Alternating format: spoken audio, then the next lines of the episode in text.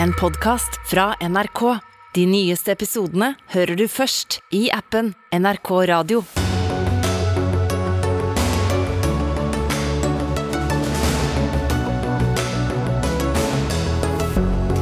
Amerikansk høyesterett eh, fratar millioner av kvinner retten til selvbestemt abort gjennom en historisk dom. En rekke stater er allerede i gang med å endre loven. Snart kan konverteringsterapi komme til å gi opptil seks års fengsel. Skal det bli straffbart å tilby sjelesorg? Flere byer i Nederland forbyr reklame for eh, fossilt brensel, og Greenpeace vil at Norge gjør det samme. Et inngrep i ytringsfriheten, mener Venstre. Og skoleelever bør begynne med tysk og fransk fra femte klasse, mener Unge Høyre. Det siste vi trenger er mer teori i småskolen, protesterer Senterungdommen. Og det er bare noen av sakene vi har eh, denne fredagskvelden i Dagsnytt 18. Eh, I studio Sigrid Solund. Missouri var første amerikanske stat ut til å forby selvbestemt abort, og nå har både Arizona, Louisiana og Texas fulgt etter.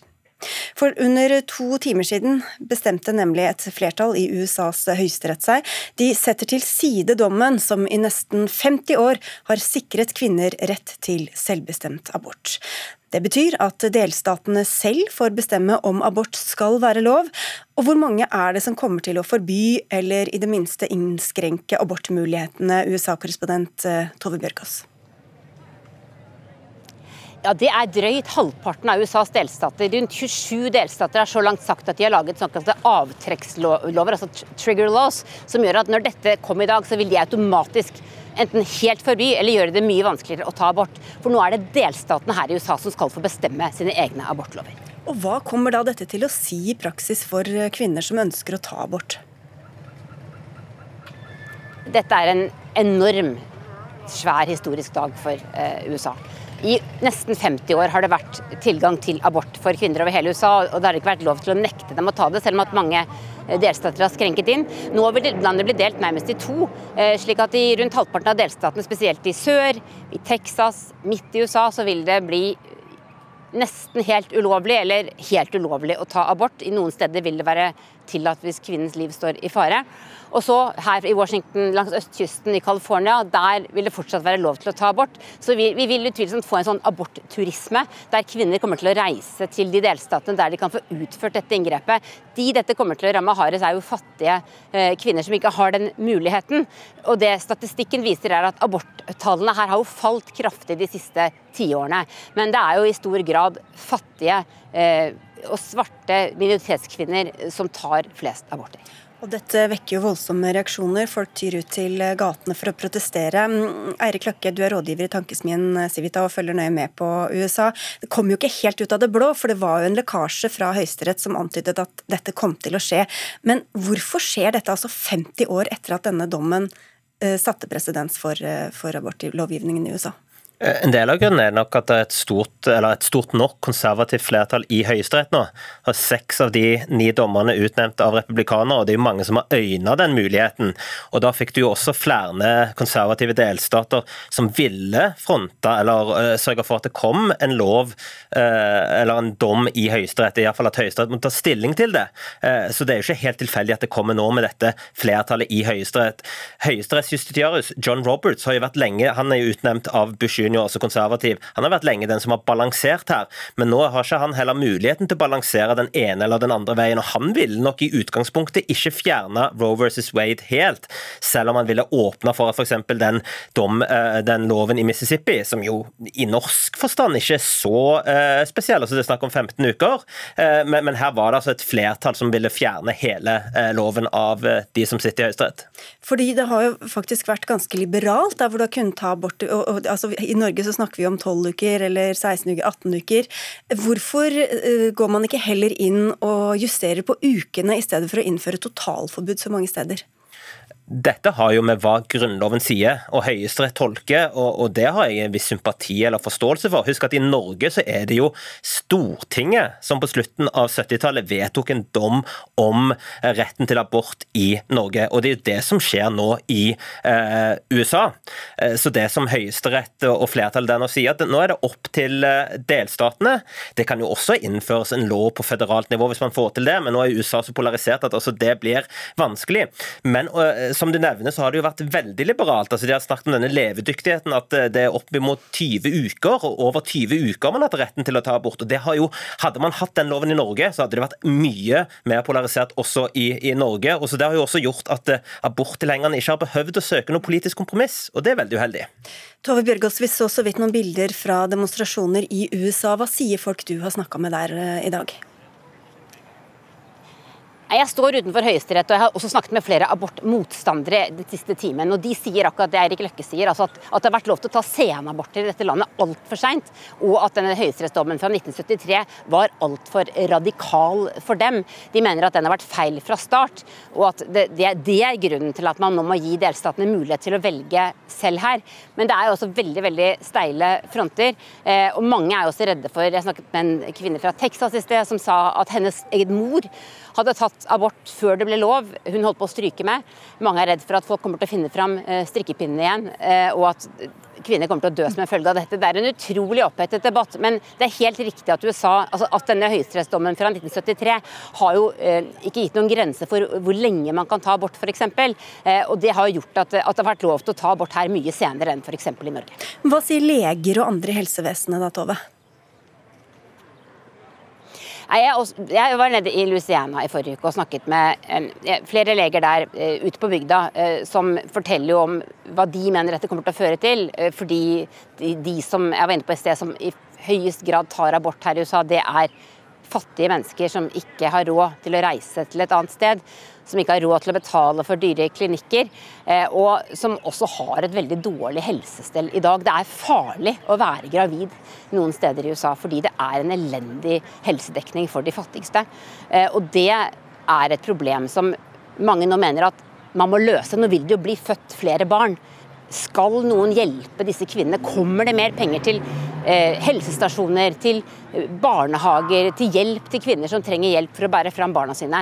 Det sier en del abortmotstandere at det kommer til å gjøre, men vi har så langt ikke sett disse bevilgningene eh, komme. Så, så, det er jo også et element av rasisme her, er det jo mange av aborttilhengerne eh, unnskyld, som, som, peker på. Men det er en bitter og opphetet debatt som, som går langs mange skillelinjer, eh, og som også handler mye om religion. Eh, men nå vil det bli debatt om alle disse tingene framover. Litt kort på tampen her, Eirik Løkke. De er jo ikke helt um, i samsvar med befolkningen her, da, Høyesterett, når de skal ha enten det ene eller det andre? Nei, men Høyesterett skal ikke nødvendigvis være i samsvar med befolkningen. Det er mer politikernes oppgave. Eh, og, og, jeg har sympati igjen med at det er ikke ni menn og kvinner i Høyesterett som skal avgjøre dette. Eh, og De har jo sendt ballen tilbake igjen til politikerne. Nå er USA så polarisert at det er vanskelig å få til noen ting som helst. Eh, men det at Høyesterett ikke er i, i, i takt med, med, befolkningen Jeg tror ikke vi skal ha en høyesterett eller en justissektor som alltid bare skal se på hva folkemeningen er. Der har vi det er det vi har politikere til. Takk skal dere ha, begge to.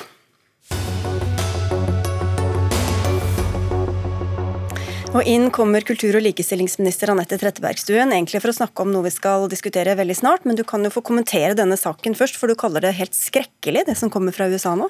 Ja, det er jo rett og slett helt uh, skrekkelig uh, det at uh, kvinners rett til abort blir angrepet på denne måten her. Vi ser jo en bølge av det verden over nå. Men dette er svært alvorlig, og det gjør jo at kvinner kommer til å dø i ytterste konsekvens. Vi er nødt til å bare stå sammen og, prøve å fighte det tilbakeslaget vi ser ja, hva, hva, betyr det? For Norge sier jo gjerne fra mot andre land når de gjør ting vi misliker sterkt. Her er det snakk om vår nærmeste allierte. Hva er beskjeden fra norske myndigheter da? Nei, Statsministeren har også vært eh, ute allerede. og Dette er jo et alvorlig tilbakeslag for kvinners grunnleggende eh, rettigheter. og Det er jo noe som Norge alltid forfekter, både i, utenriks- og utviklingspolitikken. og Vi kommer jo selvfølgelig til å si fra om det her også. Og så til dette temaet som du eh, er her opprinnelig for å snakke om. Bøter eller tre, og tre til seks års fengsel det kan bli straffen for å drive med såkalt konverteringsterapi. Lovforslaget som regjeringa lanserte i går, omfatter det å få en annen til å endre, fornekte eller undertrykke sin seksuelle orientering eller kjønnsidentitet. Ett år er gått siden den forrige regjeringa prøvde seg på en lignende lov, og Trettebergstuen, hva er forskjellen på det de la fram og det du presenterte i går?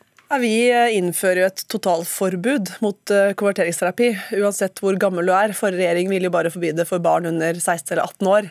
Så hever vi strafferammen. Der høyreregjeringa sa inntil ett år, sier vi inntil tre, eller i verste fall seks år. Det blir også forbudt å bedrive konverteringsterapi i utlandet, og så forbyr vi også markedsføring. Men når du sier totalforbud for dem over 18 år, altså ingen begrensninger, ingen forskjell mellom under og over 18 år? Jo, altså jo, vi har en sikkerhetsventil, uh, som vi kan kalle det.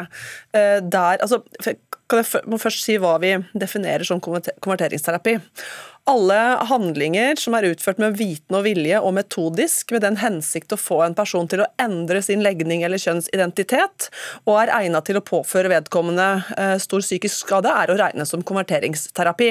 Men så sier vi også at i de tilfellene der man eh, ikke er i en sårbar posisjon, og der metodene er eh, milde og ikke egnet til å påføre stor psykisk skade, så har vi en såkalt sikkerhetsventil. Man skal ikke gå rundt og straffe det som ikke bør bør straffes. Men for barn så anser vi det for å alltid ha potensiell stor psykisk eh, skademulighet dersom man blir utsatt for, eh, for den type handlinger. da. Vi får se hvor klart dette er. Eh, Ole Gramstad Jensen, du er styreleder i Til helhet, Forum for seksualitet og tro. Tror du at din organisasjon og alle som er organisert hos dere, vil bli rammet av dette forbudet? Nå var det litt uh, problemer med lyden her. Skal vi se om vi får opp en linje her. Um, hvis jeg bare fortsetter å snakke, så får vi se om vi får noen nikk fra Jensen på linje her. Vi ringer opp igjen. Men altså, Trettebergstuen, da, for du sier at det er en sikkerhetsventil. men det er jo ikke så mange som selv sier at de driver med konverteringsterapi.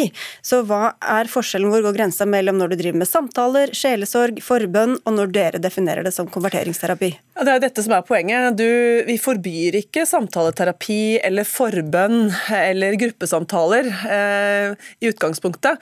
Poenget er bare det at eh, hvis du driver eh, med, eh, med en metodisk og planlagt og med viten og vilje ønsker å forandre en person, og gjør det på en systematisk måte, Eh, enten det er i samtaleterapien, i dialog én til én eller under forbønn, ja, så er det å regne som konverteringsterapi. Så det handler jo om sant, hva du bruker denne forbønnen, eh, samtalen, til. da. Ja, Men metodisk, det betyr at hvis det er litt sånn tilfeldig konverteringsterapi, da er det ikke innbefattet? da? Nei, altså det er jo ingenting som er tilfeldig konverteringsterapi. ikke sant? Jeg tror nok eh, de fleste kan, kan forestille seg hva, hva, dette dreier seg om og hva det ikke dreier seg om. Noen spør jo som jeg skal det bli forbudt å snakke sammen. Nei, selvfølgelig skal det ikke det. Men vi vet jo det at veldig mange har blitt utsatt for denne type eh, utilbørlig eh, press og forsøk på å endre seg, og lidd, eh, lidd under det. Mange har tatt livet sitt også. Vi vil dette her til livs, og derfor så innfører vi vi nå et, et, forbud. Da tror jeg vi skal ha med oss Ole Gramstad Jensen fra Til helhet. Um, håper du hører meg nå. Tror du at dere blir rammet av dette forbudet? Ja, eh, altså når jeg fikk Solberg-regjeringens utkast så, og leste det, så var jeg ganske sikker på at det ville ikke ramme oss. Men dette utkastet gjør meg eh, mer usikker. fordi eh, det står bl.a. Eh, om eh, samtalegrupper. Eh, på side 100 i utkastet så står det at Eh, straffebudet som utgangspunkt er ikke ment å ramme at mennesker søker sammen for å støtte hverandre, men så står det samtidig at hvis det fasiliteres av en tredje person, så vil det kunne være straffbart. Og Det er jo etter mitt skjønn totalitært. Altså Man går eh, i den betydningen at eh, man snakker om at staten så lange arm går inn på sjelesorgrommet og vil potensielt straffe eh, noen som fasiliterer en samtale eh, mellom, mellom enkeltpersoner. og Dette er altså et slett eh, politisk håndverk. og Jeg stiller meg spørsmål om, om, om Trettebergstuen har eh, gjort jobben godt nok her i forhold til eh, å fremlegge saken for Lovavdelingen og, og sånt. Ja, Det kan jeg love deg at vi har. Vi har uh, jobbet med dette nå i over 250 dager. Men jeg kan bare si en ting at altså, hvis den fasiliteringa av samtalen du holder på med, har som agenda å få en annen til å endre, fornekte eller undertrykke sin seksuelle handling eller eh, kjønnsidentitet, eh, og du gjør det en, med viten og vilje på en systematisk, tydelig måte, ja, så er det konverteringsterapi, og da vil vi det til livs. vi ønsker ikke at folk skal bli utsatt for den type overgrep som altfor mange har. Har lidd under hittil. Fått store psykiske problemer. Folk har tatt uh, livet sitt. Og det er definitivt uh, noe som staten bør legge seg borti. Jensen, ja, det var jo mange, mm, mange forbehold her da, for at man skulle kunne bli dømt for dette, Jensen. Ja, Nå fikk jo ikke jeg med meg det Trettebergstuen sa før jeg eh, fikk eh, kobla meg på her. Men det, det, det, som er kanskje det mest alvorlige med forslaget, det er jo det at uh, man fratar i realiteten skeive personer deres samtykkekompetanse. Altså Man sier det at hvis du er f.eks. en konservativ kristen og skeiv, ja, så er du per definisjon indoktrinert. Du kan ikke, Man kan ikke tillate deg å samtykke til Eh, eh, selv ikke sjelesorg, hvis at intensjonen eh, med samtalen som, som, det legges til grunn for, legges opp til, er at man søker en endring. Og Det er en umyndiggjøring. Jeg forstår ikke at flere, ikke flere skeive er, er, er fornærma på Trettebergstuen nå. Det kan jo være at folk ikke altså, har følelser og identitet de egentlig ikke ønsker, da, Trettebergstuen? Vi, vi, skal absolutt ikke forby folk å, å snakke snakke om at de har vanskeligheter med sin egen seksualitet eller identitet eller tro og tvil rundt det. Eh, poenget er jo bare det at hvorfor tror du egentlig at noen homofile eh, går så langt som å ønske å forandre seg. Er det helt utenkelig? Nei, men det er jo, det er jo fordi at man er i, eh, i, en setting, i et miljø der man blir fortalt at man ikke er riktig. Eller at man riktig. selv har en tro som man, gjør at det ja, er men, vi, men du kan for, Det er ikke forbudt å, å, å, ha den troen, eller å liksom leve ut, eh, leve ut eh, din tro istedenfor din legning ved å leve i sølibat og den type ting, men poenget er bare det at vi ønsker ikke at en, en tredjeperson skal kunne komme inn og systematisk forsøke med metoder som er til, egnet til å skade deg psykisk, og, og forandre den du er. Den, den, ja. Det er så viktig å beskytte folk fra det. Er det så vanskelig noen, å... Da får heller noen som ønsker det frivillig, eh, ikke få lov. Er det så vanskelig å etterleve, Jensen, å ikke drive med systematisk forsøk på å få noen til å endre legning, f.eks.? Nei, men altså Det, det Trettebergstuen ser bort fra her, det er jo at eh, homofile og skeive og eh, for så vidt alle er i stand til å lese sin egen bibel eller sitt eget trosgrunnlag. Det er ikke sånn at man, man eh, fordi at man har en bestemt eh, trosoppfatning, at den er påført. Eh, sosial kontroll, ja, det er vi jo en del, altså, Vi er alle under sosial kontroll på en eller annen måte. Det er, ikke, det er verken verre eller mindre sosial kontroll i norske menigheter enn det er f.eks. I, i homobevegelsen. Det, det, det, kan jeg love deg. At det er, det er ingen i homobevegelsen som, som forsøker å, uh, å, å, å, få folk til å, å, endre på den de er, uh, og påfører folk psykisk skade. Det er det dere i Til Helhet som, som driver med. Helt kort til slutt på det. Nå har du egentlig forhåndsdømt oss, det er jo en kjedelig å ha med seg. Dere får sende inn høringssvar. Det Forslaget er ute på høring til oktober. Og så sier vi takk til dere begge, Ole Gramstad Jensen, styreleder i TIL Helhet, Forum for seksualitet og tro, og kultur- og likestillingsminister Anette Trettebergstuen.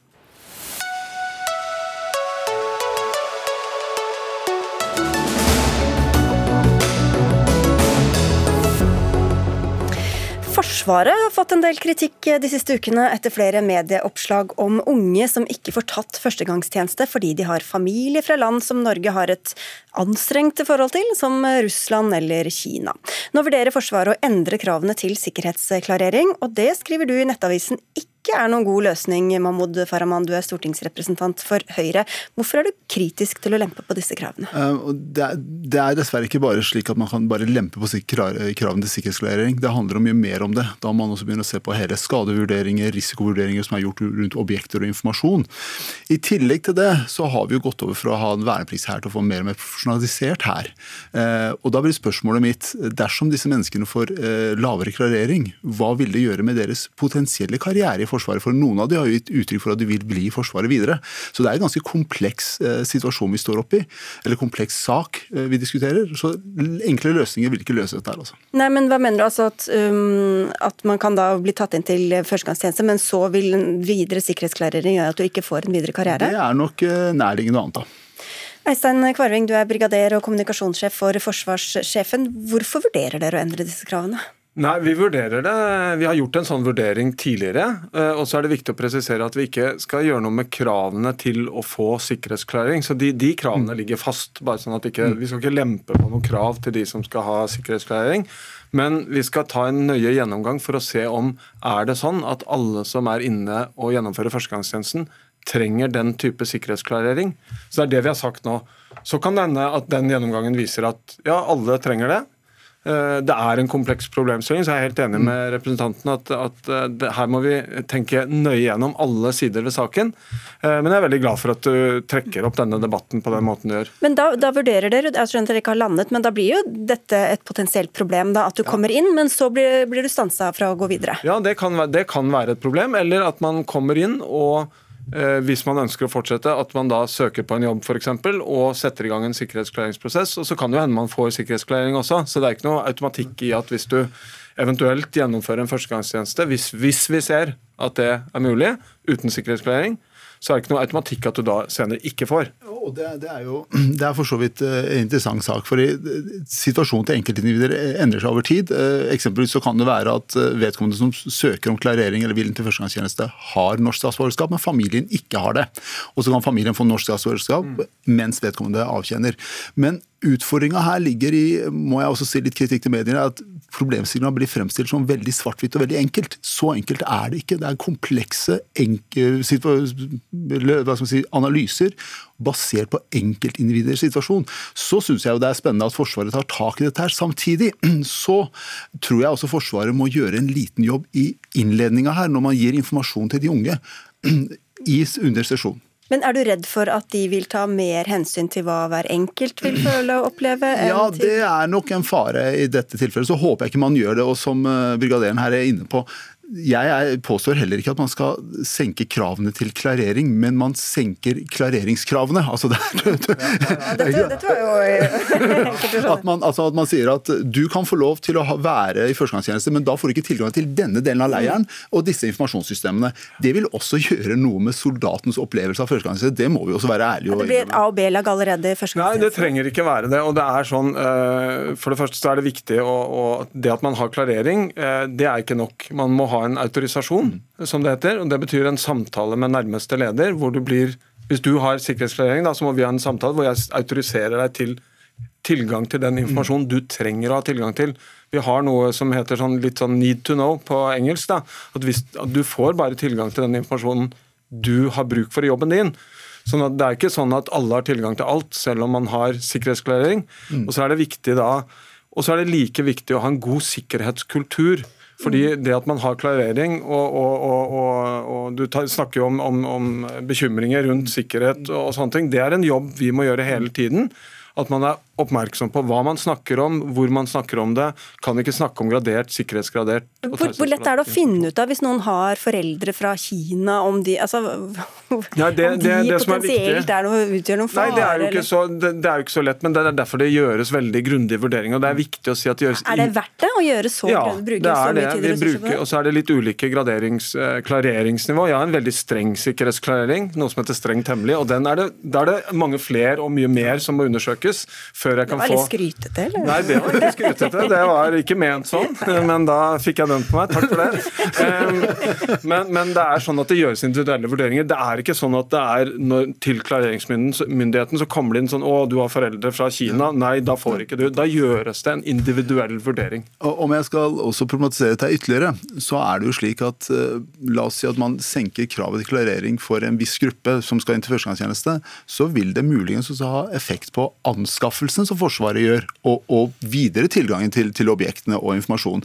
Så igjen, jeg forstår at man ønsker å gjennomgå det, men det får videre konsekvenser for mye mer enn førstegangstjenesten. Altså. Og Grunnen til at du også er veldig opptatt av dette, er jo at du har en militær karriere bak deg også, men også foreldre fra Iran. Hvordan ville det vært for deg da? Nei, altså, jeg, jeg, skal ikke skryte at jeg har, jeg har, jeg har sikkerhetsklarering. Da får jeg veldig masse kjeft, sikkert. Nei, nei, men jeg har sikkerhetsklarering selv. Og ja, det har vært eh, omfattende prosesser jeg må gjennom, lange intervjuer. Eh, men sånn er det. Og så tror jeg vi må, vi må liksom kunne kommunisere til de unge at dette gjøres ikke bare for at staten skal skjerme sine hemmeligheter, men det handler også om å ivareta enkeltindividet. For de mennesker som får denne klareringa, får også tilgang muligens til, til informasjon som er på samme nivå.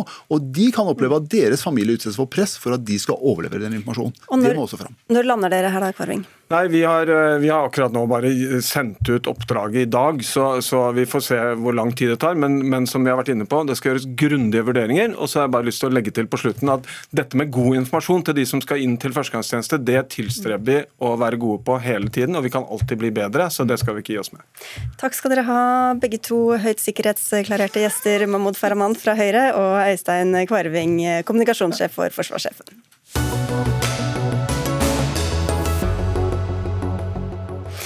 Regjeringa vil ta makt fra universitetssektoren og gi til seg selv. I dag kan universiteter og høyskoler selv bestemme om studiesteder skal opprettes eller legges ned, men nå foreslår regjeringa altså å endre loven så dette heller blir opp til politikerne, dersom studiene har stor regional betydning. Karianne Gjønnes, du er stortingsrepresentant for Høyre og er kritisk til dette forslaget. Hvorfor det? Vi er kritiske først og fremst fordi det går vekk fra den linja vi har holdt i mange år, hvor vi styrer i det store og ikke i det små, hvor vi har tillit til at eh, institusjonene sjøl eh, har god kontroll på hvordan de skal oppnå høy kvalitet i tilbudet til studentene. Og vi mener det er langt viktigere enn å gå vekk fra den tillitslinja og begynne å styre eh, i detalj. Og så er det jo sånn at eh, alle partiene på Stortinget eh, så sent som i 2015 var enig i at det er en god linje å legge seg på. Armlengdes avstand mellom politikk og institusjonene. Senterpartiet var det eneste partiet som stemte imot. Og det er jo pussig å se at en tillitsreform fra regjeringens side nå faktisk eh, vil begrense studiestedenes mulighet til helhetlig og langsiktig eh, utvikling av kvalitet. Ja, hvordan er dette å vise tillit til sektoren, Maren Grøthe, du er stortingsrepresentant for Senterpartiet? Først og fremst så må jeg jo få understreke det at å legge ned studiesteder eller eh, linjer med sentrale profesjonsfag, sånn som f.eks. lærerutdanning eller sykepleierutdanning, vil jo ha store konsekvenser for et helt lokalsamfunn, egentlig. Både med tanke på arbeidsplasser, men òg med tanke på tilgang på kompetanse. Og det er jo nettopp derfor vi mener at sånne beslutninger det bør ikke tas av styrer i lukka styrerom, men av politikere som både kan se helheten, men òg ta hensyn til de her eh, faktorene. Da. Men man kan også, også se det sånn at dere tar makt fra rundt omkring i landet og sentraliserer det i regjeringskvartalet. Hvordan er det god senterpartipolitikk? Nei, altså Regjeringas tillitsreform handler jo ikke om å flytte makt fra politikere og ned til styrer. Men når det er sagt, så kommer jo fortsatt styrene til å ha stor kontroll over det daglige utviklinga av tilbudet. Det er dem som fortsatt skal ha kontrollen på å opprette og regulere studietilbudene sine. Men dersom det er tilfeller som har stor regional betydning, så ordner vi nå en sikkerhetsventil sånn at man kan sette ned foten dersom det er behov for det. Og Det tenker jeg er også viktig for å gjøre universitetene bevisst på hvilket regionalt ansvar man har. Men det er unntaker, ikke regelen. Jonas. Jeg mm, må jo si at jeg blir veldig forundra når det skal være en sikkerhetsventil. for den daglige driften, altså de som jobber ute um, i, på studiestedene, de kjenner hvor skoen trykker. De vet hvilket behov det er nasjonalt, eh, regionalt.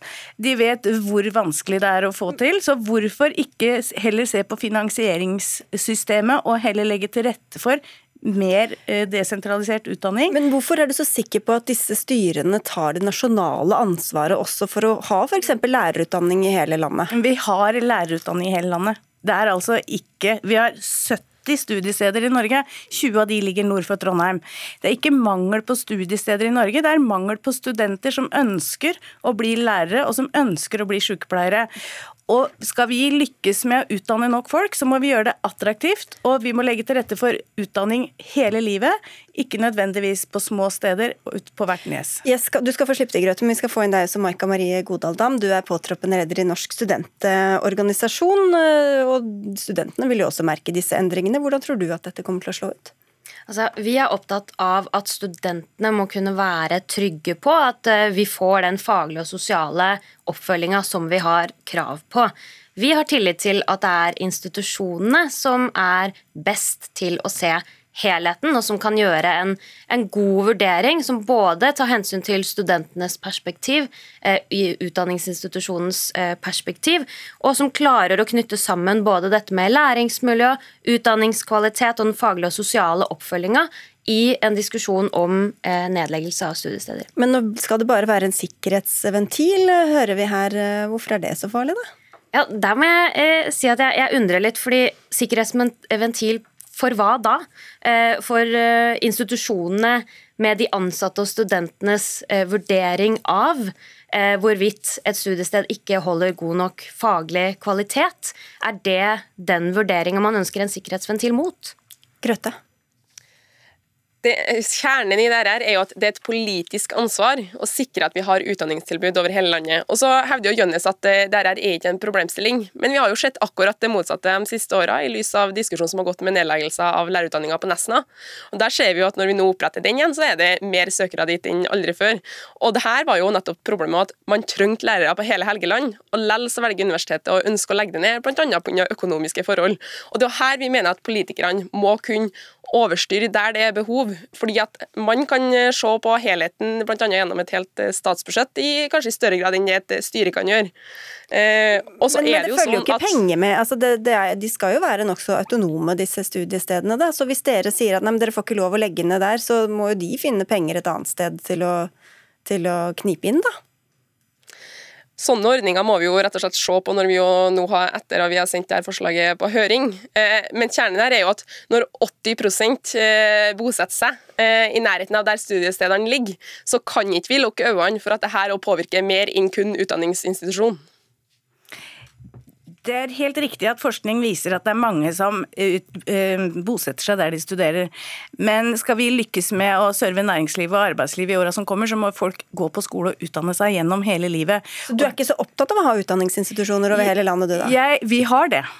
Jeg er ikke så opptatt av at opprettholde dem, da? Jeg er også opptatt av at vi skal opprettholde dem, men jeg er først og fremst opptatt av at styrene skal ha tillit fortsatt til å sørge for god kvalitet. Og det mener eh, vi at eh, styrene har. God oversikt. Og så er det viktigst å sørge for tilgjengelig utdanning for alle. Og det er uansett ikke sånn at alle kan flytte på seg for å få uh, utdanning. Så med uh, 70 studiesteder i et land med 5,5 millioner innbyggere, så mener vi at landet er godt dekka. Da. Mm. Eh, jeg mener at utdanningsinstitusjonene har en helt unik mulighet til å trekke inn studentenes perspektiv, som absolutt bør være viktig i det man gjør en vurdering på om man skal legge ned et studiested. Det er utdanningsinstitusjonene som er nærmest studentene, og det er også de vi mener at best mulig kan ivareta studentenes perspektiv i en sånn her prosess. Er det bare dette med Høgskolen på Nesna Maren Grøthe, som har fått eh, denne, eller tvunget fram eller fått fram denne endringa? Det har jo aktualisert eh, problemstillinga betraktelig og understreka behovet for at eh, sånne avgjørelser i større grad må eh, ses på mer enn bare inne i lukka styrerom. Men når det er sagt, da, så kommer vi fortsatt til å ha tillit til utdanningsinstitusjonene på at de sikrer god kvalitet, inkluderer studentene, og det kommer jo man jo til å gjøre ved sånne beslutninger. Men når Høyre sier at vi har god nok og bred nok utdanning i Norge, så vil jeg bare si at der understreker jo at Høyres distriktspolitikk handler mest om fine festtaler. Og når man prøver å gjøre konkrete grep, så ønsket man å stille opp for det, og det syns jeg jo er synd. Nå har vi en regjering som ønsker å utvikle hele landet, og dette er et eh, taktskifte òg innenfor høyere utdanning. Da syns jeg det er eh, artig å høre, for i 2015 så mente jo også Arbeiderpartiet at det var klokt å styre på avstand. Styre i det store, ikke i det små. Nå har, er regjeringen her, representert ved Senterpartiet, som varsler en helt annen linje. Sånn er det i et regjeringssamarbeid. sånn er det i et regjeringssamarbeid, men det skal vi eh, oppnå god kvalitet og godt innhold i, i studiestedene våre, så er vi nødt til å ha forutsigbarhet i styringen, og da styrer vi det store og ikke det små. Og da lurer jeg på til slutt her, um, Maren Grøthe, hvem, eller hva skal til for at dere mener at et studium har stor regional betydning? Det handler jo rett og slett om eh, eh, forholdene rundt. Er det stor mangel på den arbeidskrafta regionalt, så er det en selvfølge for oss at da bør vi legge til rette for det og gjennom et tilgjengelig utdanningstilbud. Men det her skal vi jo gjøre nå i dialog med sektoren. Eh, forslaget er sendt ut på høring, og vi vil gjerne ha innspill, og vi ser fram til de rundene som kommer. Noen innspill har du fått allerede fra Karianne Jønnes fra Høyre og Maika Marie Godal Dam, som er påtroppende leder i Norsk studentorganisasjon. Takk også til deg, Maren Grøthe, stortingsrepresentant representant for Senterpartiet.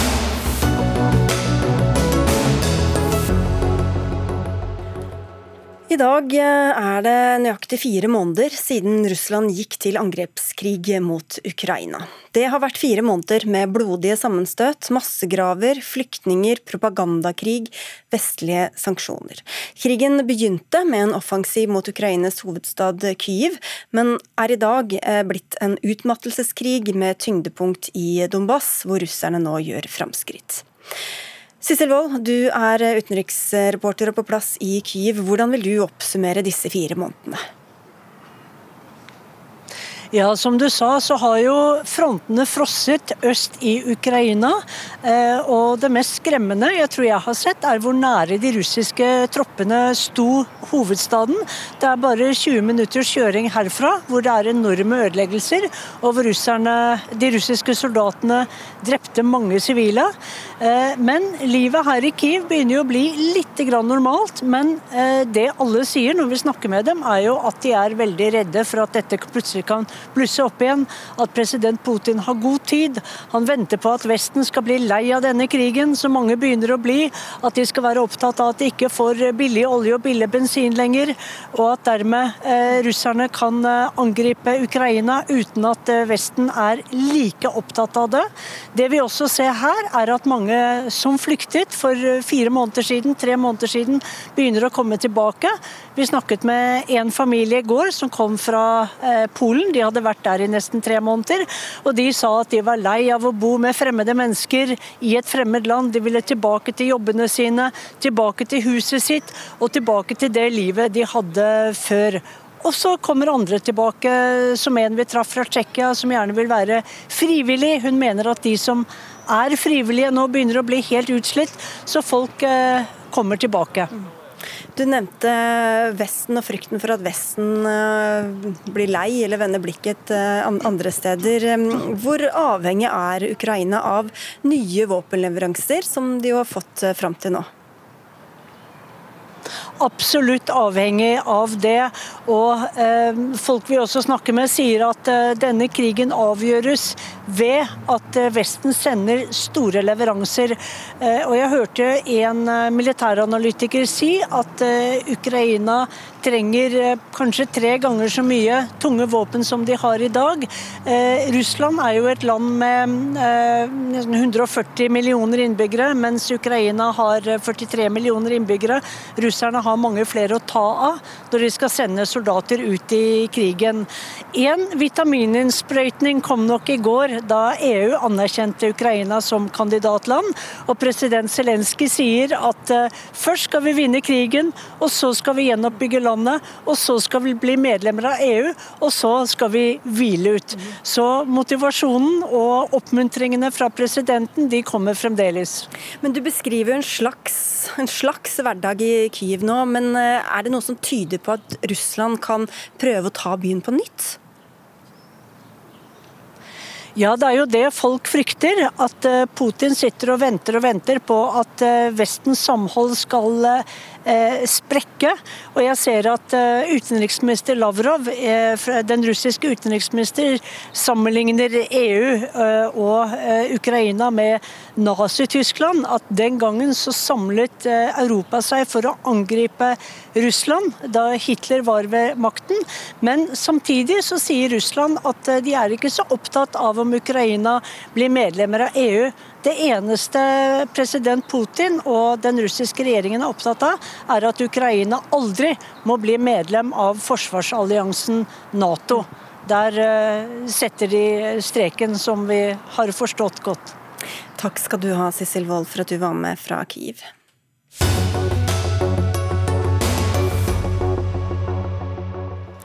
Gjør som flere byer i Nederland har gjort, forby all reklame for fossilt brensel. Det foreslår dere, Aud Hegli Nordø, du er kommunikasjonssjef i Greenpeace. Hva er det de har gjort der som du mener Norge bør følge etter? Det vi vet, det er at eh, klimaendringene er den største trusselen som menneskeheten står overfor. Eh, og det haster mer enn noensinne at vi reduserer utslippene av klimagasser. Så det de har gjort der, det er jo da å lage forbud mot at eh, f.eks. oljeindustrien eller flyselskapene kan eh, reklamere og prøve å få oss til å fly mer, forbruke mer olje, kull og gass, som vi vet ødelegger fremtida og helsa til folk. Ja, for Du sier til Dagsavisen at man burde ha de samme reglene for reklame for eh, fossilt som, som vi har for markedsføring av alkohol og tobakk. Det er jo som kjent ikke lov i Norge. Men der er det snakk om stoffer vi tar eller drikker eller røyker. Hva, hva er sammenhengen mellom det og bensin? Sammenhengen er jo det at eh, vi vet at utslipp av klimagasser fører både til eh, luftforurensning, som eh, på verdensbasis tar livet av mer enn sju millioner mennesker hvert eneste år. Og I tillegg så fører det til klimaendringer som påvirker oss alle sammen, og ikke minst de generasjonene som kommer etter oss, som da ønsker å ha en klode som man kan leve på. Og det er flere som dør av klimaendringer, effektene fra klimaendringer og luftforurensning enn de som dør av tobakk og alkohol hvert eneste år. Men ikke i Norge, da? Eh, det er på verdensbasis. Ja, nettopp. Men eh, dette er jo foreløpig et norsk forbud dere er interessert i, da? Ja, samtidig så vi i Greenpeace vi jobber jo i veldig veldig mange land i verden. Og vi jobber jo for forbud i andre land også. Jeg er med på et EU-initiativ bl.a. for å prøve å få på plass et fossilforbud i EU. Ja, For det er jo andre land eh, de har vedtatt det, i Frankrike også, og jobber med lignende forslag i Göteborg, Stockholm, Helsinki. Stortingsrepresentant for Venstre, Grunde Almeland, du er jo enig i situasjonsbeskrivelsen, men ikke imponert over dette forslaget. Hvorfor ikke? Nei, altså, jeg, som du sier, jeg er helt enig med situasjonsbeskrivelsen, og vi må gjøre mye mer enn vi gjør i dag. Men jeg mener jo at et uh, sånn reklameforbud for, for, for, selskaper som driver aktivitet som tross alt er lovlig, er ikke målrettet nok. Og jeg tror det er andre måter å oppnå de to tingene jeg mener er viktigst her. Det er å sørge for at forbrukere får nok informasjon til at uh, sånne selskaper ikke kan skjule seg bak uh, en løgn eller en forestilling om at de driver klimavennlig. Og for eh, det andre sørger for at vi gjennom politikken vedtar eh, såpass eh, tydelige krav til disse selskapene at de faktisk kutter utslipp. Men du sier jo at de driver lovlig, men også tobakkindustrien og alkoholindustrien er jo lovlig. Det er jo en eh, klar forskjell også eh, f.eks. til tobakk- og alkoholindustrien, der vi setter ganske tydelige statlige begrensninger på bl.a. salg og, og, bruken av det. Og men for Venstre sin del så er vi jo generelt ganske skeptiske til denne type reklameforbud. Fordi at vi mener at det å eh, drive sånn type statlig også sensur er jo et inngrep i ytringsfriheten. og Derfor tror jeg at det er andre virkemidler som vil oppnå dette resultatet på en vel så god måte, uten å drive et sånt inngrep. Det er tross alt den største trusselen mot menneskeheten vi snakker om, ikke sant, klimaendringer. Eh, da må vi ta i bruk alle de virkemidlene vi har. Eh, og som Almeland her sier, så, så Tenker du at folk har informasjon eh, Nei, at det handler om å informere folk. Folk har masse informasjon om at vi står overfor en av, altså den største trusselen mot menneskeheten som vi noensinne har gjort. Eh, og det her med å innføre forbud, det er jo nettopp de virkemidlene vi bruker for å forhindre skade og, og lidelse. Og det er jo også i liberalismens ånd, for å kalle det, i skadeprinsippet til liberalismen, så er det jo at uh, individet skal ha mye frihet, men ikke på bekostning av flertallet sin skadelidelse. Ja, altså, jeg eh, mener jo at en rekke ting vi kan gjøre. og La meg ta noen helt konkrete eksempler. Det EU driver på med nå, er bl.a. det de kaller Green Claims-initiativet. Som jo er et initiativ der man skal stille mye strengere krav til at forbrukere får all mulig informasjon over hele bærekraftsløpet. Jeg tror ikke folk vet at hvis de kjører bensinbil f.eks., så er ikke det helt bra for klimaet? Ja, men det er en rekke noe eh, informasjon vi ikke vet. F.eks. I, i tekstilindustrien så tror jeg ikke alle er klar over hvor mye eh, utslipp f.eks. en skjorte som er laget på den måten kontra en annen måte har. Og det om å få denne informasjonen vil jo bringe trollene fram i lyset og gjøre det vanskeligere for eh, eh bedrifter å late som de er grønne. Og det vil også igjen gjøre det lettere å stille tydelige krav gjennom politikken til, eh, til at man faktisk også er med på å kutte. Men ellers så er dere jo veldig for å bruke markedet, f.eks. når det er elbil, men ikke her.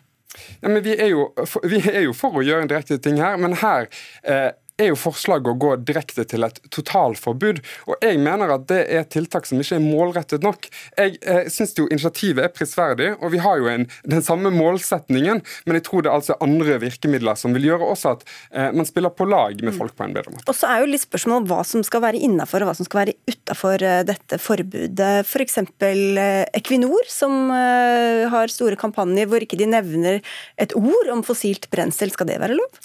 Vi kaller det jo grønnvasking, det som Equinor og andre oljeselskaper driver med, når de faktisk prøver i stor grad å fremstå som om de er grønne og miljøretta. Eh, samtidig som, som, som i Equinors tilfelle, så er det jo Altså, de har jo så utrolig mye mer de investerer i eh, olje og gass enn de investerer i fornybart. Men skal det være lov at de driver med sånn markedsføringskampanje, da? Jeg tenker at akkurat hvordan et uh, forbud bør utarbeides, det blir jobben til Almeland og, og co. Uh, for jeg tenker jo at Det er jo nettopp den jobben dere må gjøre. Altså, du skal jo sitte på Stortinget og vedta lover og regler som er til det beste for samfunnet. Uh, og jeg har litt, lyst til å utfordre deg på om du er enig i at klimaendringer er den største trusselen vi står overfor. Altså, Er du enig i det? Det er jeg helt klart mm. enig i. Og jeg mener jo at... Men bare for å avslutte, for Dere har ikke noe klart forslag til hvordan dette skal utformes? Hva som skal være altså, taxinæringen, eller det, hva som skal inn og hva som skal ut? Det forslaget som vi har nå, det baserer seg på det som er det europeiske borgerinitiativet, som nå, nå ligger som et forslag, mm. eller jobbes med i, i EU. Eh, og Der er jo bl.a. Eh, transportnæring som kollektiv og taxi ikke en del av det, det forbudet. Nei, og det som forslaget, eller ikke forslaget, men eksempelet jeg hadde om Equinor, ville det vært innenfor eller utenfor da? Eh, Equinor ville vært utenfor, fordi eh, som et eh, majoritetsoljeselskap, så mener vi at det De får ikke lov å reklamere for havvind heller, da? Den dagen Equinor faktisk driver mer med havvind og fornybart enn olje, da skal vi begynne å snakke. Ja, altså jeg mener jo at mange ting vi kan gjøre, og Det er en stor diskusjon rundt Equinors aktivitet. Altså, eh, Vi bør bl.a. stille et tydeligere krav til eh, investeringsandelen i fornybar. Men når det kommer til nettopp dette med, med markedsføring, da, så er det jo ikke sånn at vi ikke har begrensninger i dag. Fordi i markedsføringsloven så er det tydelige begrensninger på det som man kaller villedende markedsføring. Og For å svare på den utfordringen som, som Greenpeace eh, gir meg, så vil jeg jo si at Venstre er med på å se på om vi skulle vært tydeligere. Altså er det markedsføring disse selskapene gjør i dag, som er i en gråsone på til å være villedende markedsføring? Treffer ikke det regelverket vi har godt nok? Eller eh, skal man sørge for at man har bedre tilsyn enn det man har i dag? Dette er ting vi er med på uh, å diskutere, men som ikke går over den grensen i totalforbud. Altså, jeg har sett reklame for uh, at du kan kjøpe klær og redde kloden samtidig, fordi noen mener de driver så bærekraftig at det nærmest lønner seg. Byggenæringa, kjøttindustrien, klesindustrien industrien. Hvorfor ikke dem, hvorfor akkurat eh, fossilt brennstoff? Jeg tenker at uh, På sikt så bør man kanskje diskutere flere forbud. Altså, Vi står som sagt overfor den største trusselen mot menneskeheten noensinne. Uh, så det er jo på en måte ikke småtterier her. Uh, første omgang så tenker vi at et forbud mot altså et fossilforbud er den riktige veien å gå. og Så får man jo diskutere senere da, om det er flere industrier som skal omfattes av forbud. Men det, jo, det vi snakker om her, det er jo å ta grep Eh, som skal være til det beste for oss alle sammen. Til det beste for samfunnet. Så det er jo på en måte et, Når man har et forbud, så sier man jo nei til noe, men så sier man ja til noe annet. Og vi sier ja til en bedre helse og en bedre fremtid for alle. Og nei til forbud, Grøndal. Og nei til forbud, Men grep tar vi. 1.7 så kommer åpenhetsloven. Venstre er positiv til å se på hvordan vi kan utvide den også på bærekraftsområdet. For vi må sikre at forbrukere har nok informasjon, og at vi har en politikk som kutter utslipp, sånn at vi faktisk løser klimakrisen. Takk skal du ha. Grunde Almeland fra Venstre, du sitter i familie- og kulturkomiteen, som driver også med markedsføring, så det var derfor du var den utsendte her i dette tilfellet. Og takk til deg, kommunikasjonssjef i Greenpeace, Aud Hegli Norde.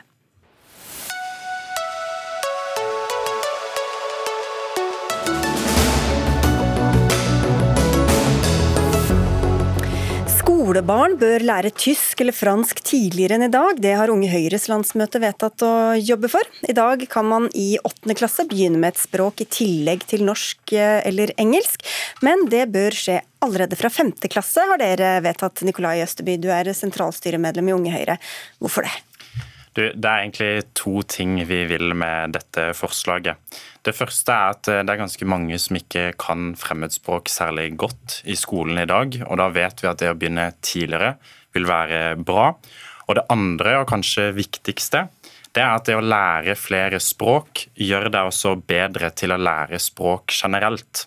Så ved å begynne tidligere med fremmedspråk i barneskolen, så vil det også gi elever forutsetninger til å bli bedre i norsk og engelsk f.eks. Vi skal høre fra en forsker snart litt om hva vi vet om dette her, men skal dette være valgfritt, eller? Eh? Vi vil innføre det som et obligatorisk. Obligatorisk. Torleik Svelle, du er leder i Senterungdommen. Eh, litt fransk eller spansk litt tidligere, hva sier dere? Nei, altså Det er fint det med litt både spansk og fransk, men jeg har lyst til å ta et lite skritt tilbake igjen og minne Unge Høyre på at elever i barneskolen de er unger, ikke nødvendigvis studenter.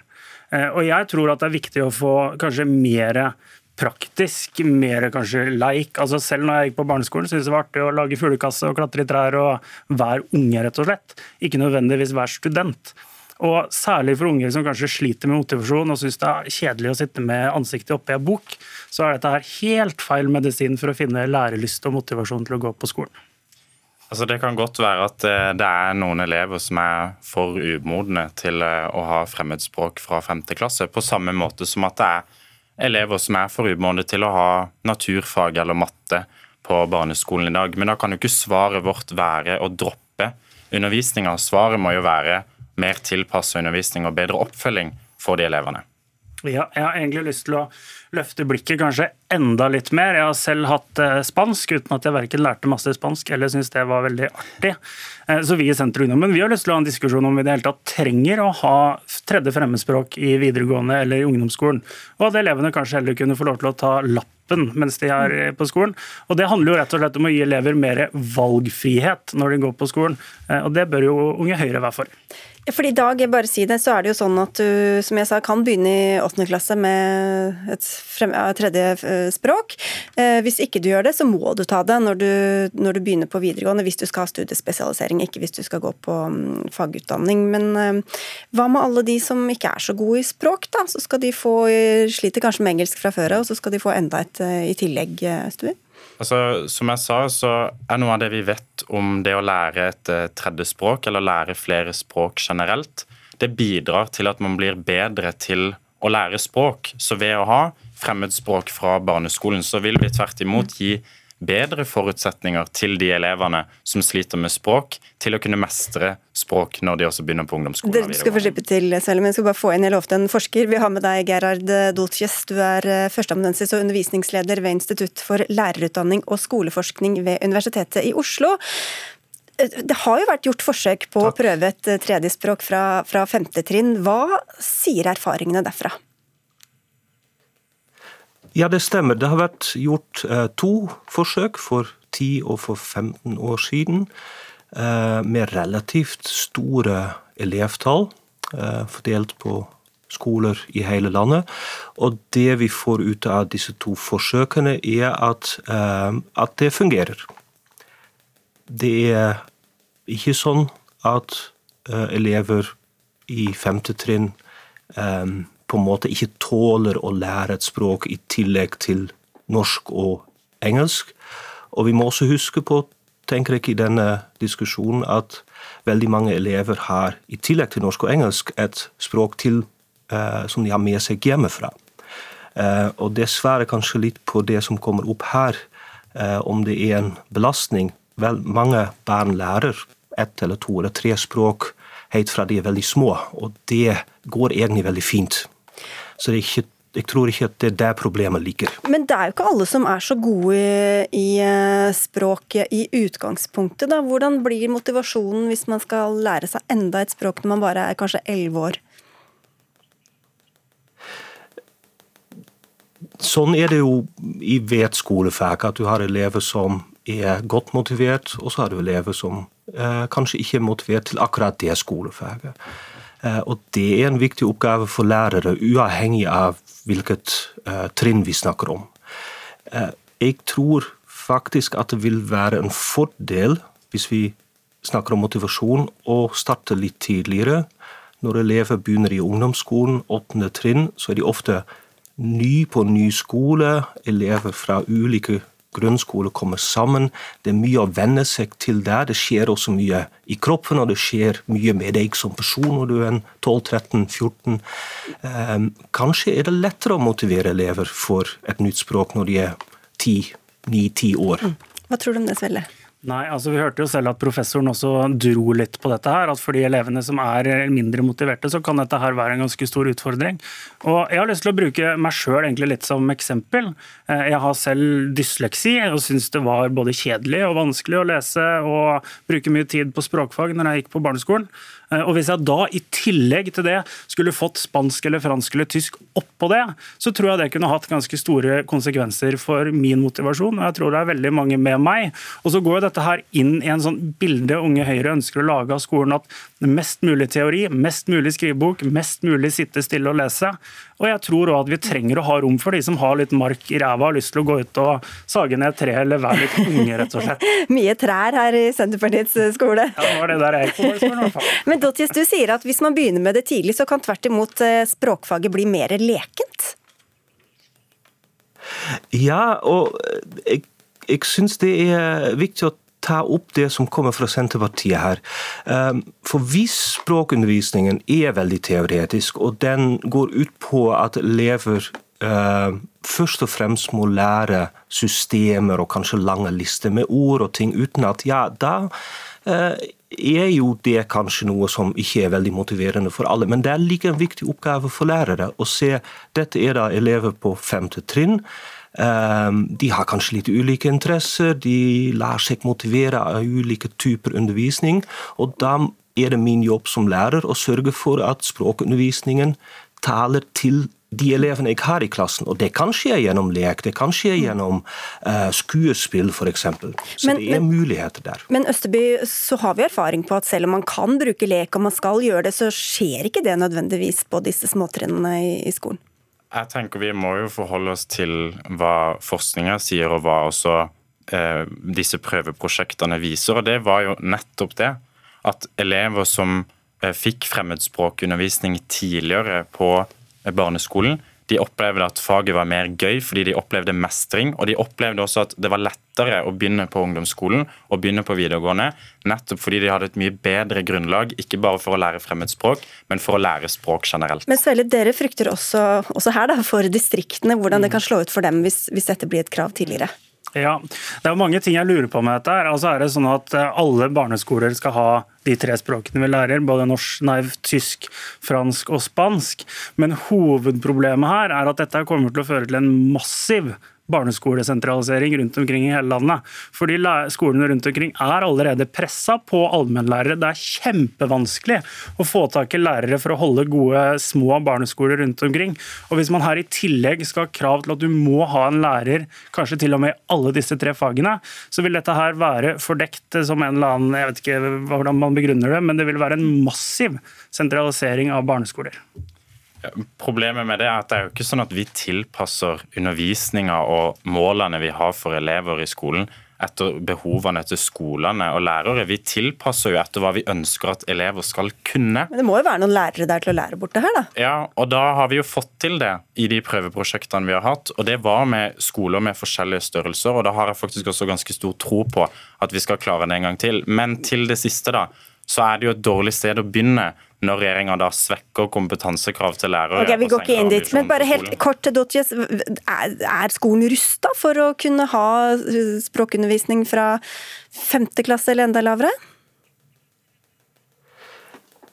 Dette, dette, er et viktig punkt. og For hver gang et nytt fag innføres i skolen, eller for hver gang et fag um, går ned til et lavere trinn, det har skjedd med engelsk før, så oppstår jo dette problemet. og Det er et problem man må ta på alvor, og derfor kommer det til å ta tid uh, før man har innført en sånn reform.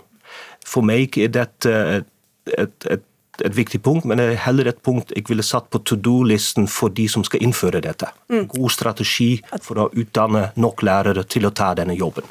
Ja, altså jeg synes jo at Unge Høyre nevner det godt her sjøl, at dette her er ikke noen ting de er opptatt av. og Det bærer jo òg Høyres åtte år i regjering godt preg av.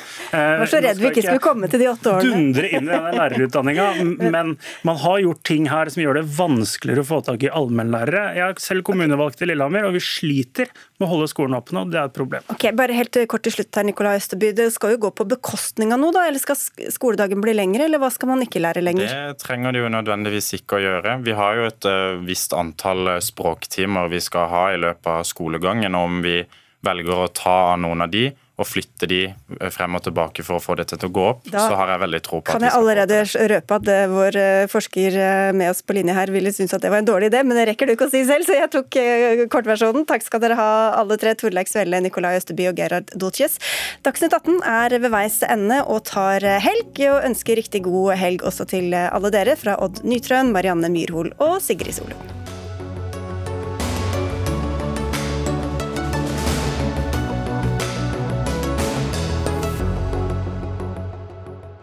En podkast fra NRK. De nyeste episodene hører du først i appen NRK Radio.